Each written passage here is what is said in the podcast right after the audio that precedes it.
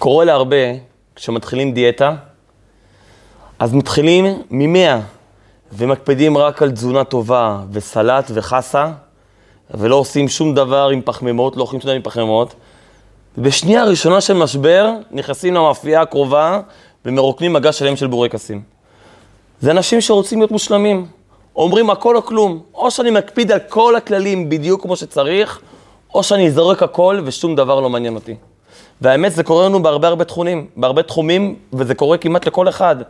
אם זה בחינוך, אם בזוגיות, בפרנסה שלנו, אנחנו הרבה פעמים רוצים את המושלם, ואם לא נקבל את המושלם, אם לא נהיה בדיוק כמו שאנחנו רוצים, במאה אחוז, נזרוק הכל. נגיד שום דבר לא שווה, גם צעד קטן לא שווה. יש לי ידיד, פה בבית חב"ד, באגמים, שמגיע מדי פעם לקבלת שבת אצלנו, ולאחרונה הפסיק להגיע. איזה חודש לא ראיתי אותו, התקשרתי אליו אתמול, אמרתי לו, מה נשמע, מה שלומך? הכל בסדר? תראה, הרבה זמן לא ראיתי אותך, אז התקשרתי לראות מה קורה. אז הוא אומר לי, תודה רבה, כבוד הרב, שהתקשרת, מעריך את זה מאוד, אבל אני אגיד לך את האמת, הוא אומר לי. חזרתי לעשן בשבת. אני מעשן בשבת, לצערי הרב, הוא אומר, אני מודה, אני מתבייש, אבל אני אומר לך את זה. הלחץ, העבודה, הפרנסה, המשפחה, אני מעשן בשבת. והרגשתי מאוד מאוד לא נעים לבוא, להתפלל לקבלת שבת, הרגשתי צבוע. מה אני, או איתו, או לא איתו. מה, אני אבוא לקבלת שבת ואחר כך אני אלך, יראה טלוויזיה, יעשן סיגריה? מה, או אישה שאומרת לעצמה, אני אדליק נרות שבת בקבלת שבת, יברך על השבת, ואחר כך לא בדיוק ישמור שבת. אז אולי פשוט עדיף לו לעשות שום דבר. כולנו מבינים שהחיים לא עובדים ככה. אם בדיאטה שלי, אני לפחות חצי מהיום מקפיד על תזונה טובה, והיה זה שכרי, זה כבר דבר חשוב. כל אחד יגיד, אם נשברת, אוקיי, נשברת, לא נורא. עשית משהו לא בסדר, זה לא אומר שזהו עכשיו, כל השבוע תחי על רוגלח ובורקסים, ורק מיום ראשון הבא תנסה לחזור לדיאטה. נפלת, אכלת משהו לא בסדר, הכל טוב. תחזור לעשות את הדברים הנכונים. אל תיתן לאירוע נקודתי להשפיע על הכל. לא לתת לנפילות, לא לתת, ל... גם אם אני לא מושלם, לעשות דברים שאני כן יכול לעשות. את הדברים, את הצד הקטן, אתה יכול לשתות מים במקום קולה, צד קטן, למרות שאתה אוכל אוכל פחות בריא. זה מה שנדרש מאיתנו. כולנו מבינים, אותו דבר גם ברוחניות. צעד קטן, בשביל הקדוש ברוך הוא, יש לזה ערך חשוב ביותר. הרבי סיפר פעם סיפור, הרבי בעצמו סיפר את זה, שהייתה פעם גננת, גננת חבדית, שחילקה לילדות נרות שבת לכבוד שבת קודש. ואחת מהילדות הגיעה הביתה וביקשה מאימא היום בערב, לפני ששוקעת השמש, להדליק את הנרות שבת. האימא כמובן מאוד לא הסכימה. אנחנו מבית לא דתי, אני לא מעוניינת שהבית שלי יהפוך לבית דתי. אני לא מוכנה, וגם האבא לא היה מוכן. אבל uh, הילדה uh, התעקשה, לפעמים אנחנו לא יכולים לעמוד בפני הילדים שלנו.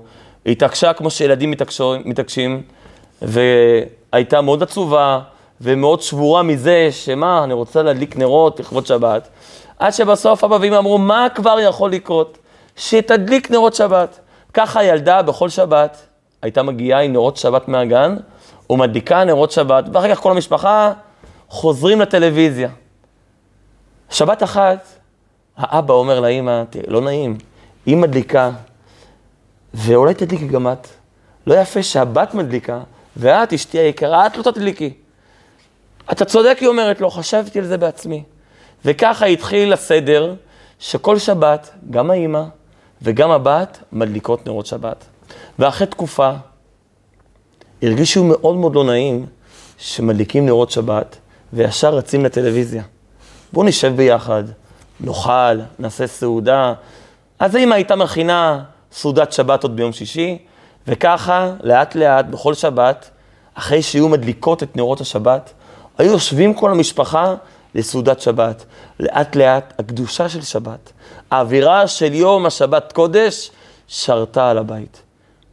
פתאום אנחנו רואים שצעד קטן, שפסיעה קטנה, של דבר שנראה לנו כחסר חשיבות מאוד מאוד, יש לזה משמעות מאוד מאוד גדולה.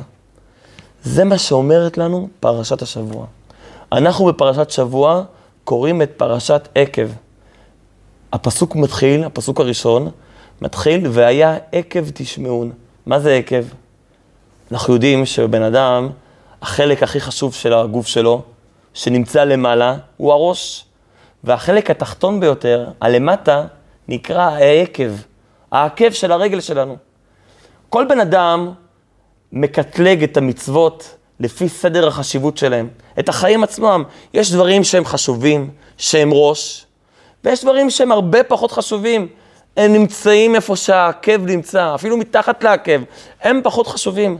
כל אחד מבין מה הכי חשוב, ולכן כל אחד אומר לעצמו, קודם כל, אני אדאג לדברים החשובים, לראש, אחר כך אני אדאג לרגל, לעקב.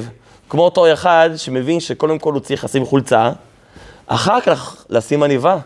אם נראה מישהו הולך עם עניבה בלי חולצה, נצחק עליו. זה דבר מוזר מאוד.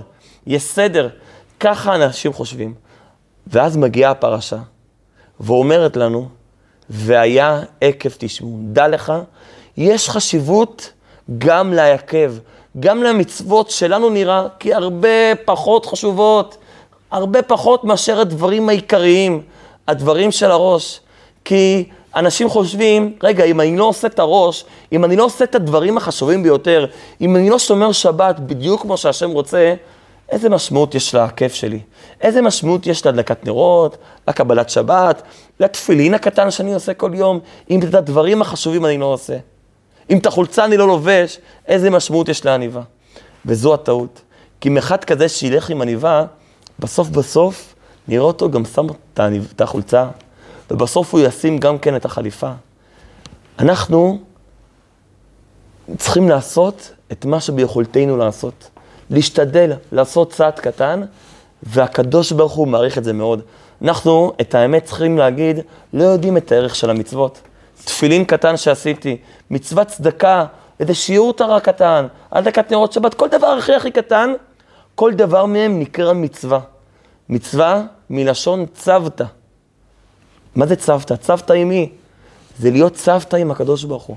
כל מצווה קטנה, אני מתחבר עם הקדוש ברוך הוא.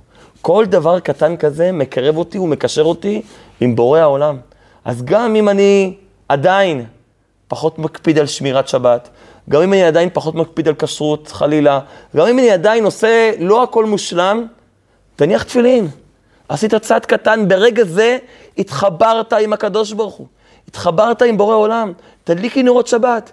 ברגע זה התקשרתי עם הקדוש ברוך הוא, והרמב"ם אומר, כשאנחנו עושים מצווה, אנחנו אפילו לא מצליחים להבין איזה משמעות עוצמתית יש לזה. ולא משנה מה עשיתי לפני ומה עשיתי אחרי. הרמב"ם אומר, למדנו את זה כאן בבית חב"ד בשיעור רמב"ם, שבן אדם לפני שהוא עושה מצווה, בן אדם יכול לבוא להגיד איזה חשיבות יש. אני רוצה להניח תפילין שתי דקות בבוקר, מה, זה בטח עשה חשיבות. אומר לו הרמב"ם, תעצור. לפני שאתה עושה מצווה, דמיין את כל העולם. כל העולם בדיוק חציו זכאי וחציו חייב. כל העולם הוא 50-50. חצי חצי, מהעולם הוא טוב, בדיוק חצי, וחצי מהעולם הוא רע. גם אתה בעצמך, דמיין אותך בעצמך, אותך בעצמך. אנחנו חצי חייבים, חצי שליליים, דמיין את זה, וחצי חיוביים, חצי יש לנו טוב. עשית מצווה אחת, נתת צדקה למישהו שצריך. באת לשיעור תורה, הדלקת נרות שבת, שמרת על טהרת המשפחה, משהו אחד קטן, הנחת תפילין. באותו רגע, זה לא אם מי ישמע מה עשיתי. באותו רגע הכרעתי את כל העולם, וכמובן גם אותי בעצמי, לכף זכות. פשוט שיניתי את המשוואה. עכשיו, הרוב הוא מעשים טובים, הרוב הוא זכויות. אז אין דבר כזה, אני מעשן, לכן אני לא אבוא לקבלת שבת. אין דבר כזה, אני רואה טלוויזיה אחר כך, איזה משמעות יש להדלקת נרות. לא, כל פעולה קטנה, כל מעשה טוב קטן, יש לזה משמעות, והרבה יותר לפעמים, לדברים הקטנים, לעכב, יש להם הרבה יותר משמעות מהדברים שלנו נראים כמו ראש, כמו חשיבות, כמו הדברים החשובים ביותר, כי, בדבר, כי אנשים נוטים לזלזל בהם. נוטים לזלזל, יאללה, זה שטויות, זה דברים בקטנה. והקדוש ברוך הוא מאוד מאוד מייקר את הדברים הקטנים האלה. זה המסר של פרשת שבוע. והיה עקב תשמעון.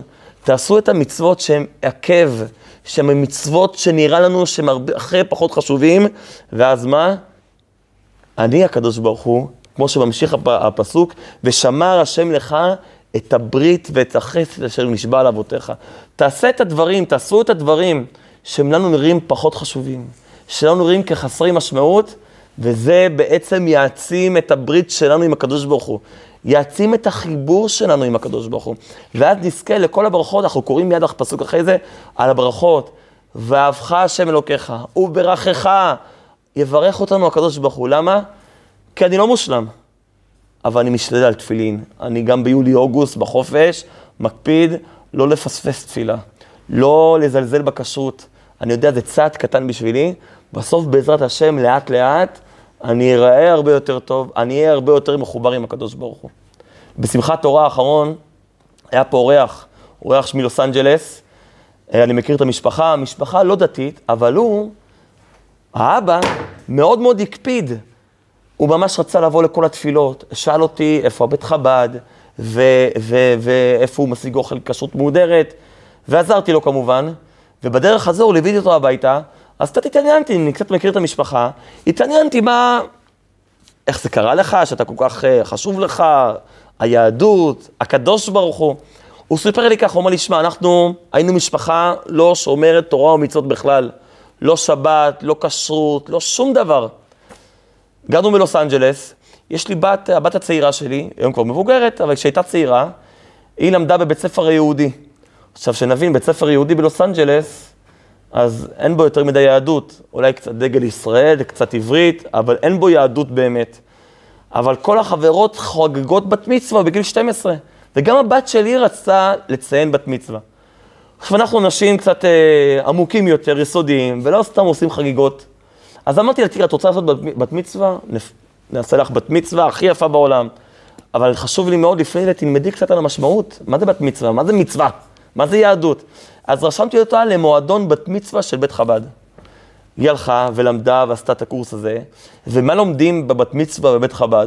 לומדים על ההיסטוריה של עם ישראל, על האבות, על מתן תורה, על 12 השבטים, על ארץ ישראל, כמובן לומדים הלכות על בית כנסת, על נרות שבת, על כשרות.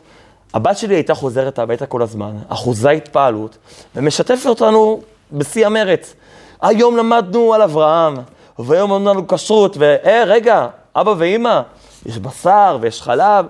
לאט לאט היא התחילה לשנות הבית. זה לא היה כל כך נורא בהתחלה, זרמנו איתה, הצריך ממני קצת יותר לחפש מאיפה אני משיג את האוכל הכשר, את העוף, את הבשר, אבל זה, הסתדרנו. כשהגיע הפסח, היא הגיעה אלינו עם דרישות מאוד גדולות, דרישות כאלה שלא יכלנו לעמוד בהן. אבל אנחנו אוהבים את הבת שלנו, לא כל כך היינו בעניין, אבל זרמנו. אמרנו, מה נעשה? יש בטורונטו כל שנה, שוכרים בית מלון גדול לכל החג, ושם יש פסח עם חב"ד, פסח שלם, עם הכשרות הכי טובה, ויש שם סדנאות ופעילויות. נסענו לטורונטו לפסח. אנחנו יושבים חג שלם, שומעים על יהדות, לומדים טניה, לומדים על הרבי, לומדים על חסידות, לאט לאט התחברנו, והיום הבית שלנו שומר תורה ומצוות, זה כל כך חשוב לנו. זה הביא לנו, הביא לנו כל כך הרבה אור לחיים. משהו קטן. לא, לא צריך מ-0 ל-100 בדקה אחת. להתחיל צעד אחרי צעד, לאט לאט, ואז בעזרת השם, הקדוש ברוך הוא מעריך את זה, יהיה לנו סייעתא דשמיא, יהיה לנו כוחות ללכת עוד צעד ועוד צעד ועוד צעד, ובעזרת השם לקבל את כל הברכות של הקדוש ברוך הוא.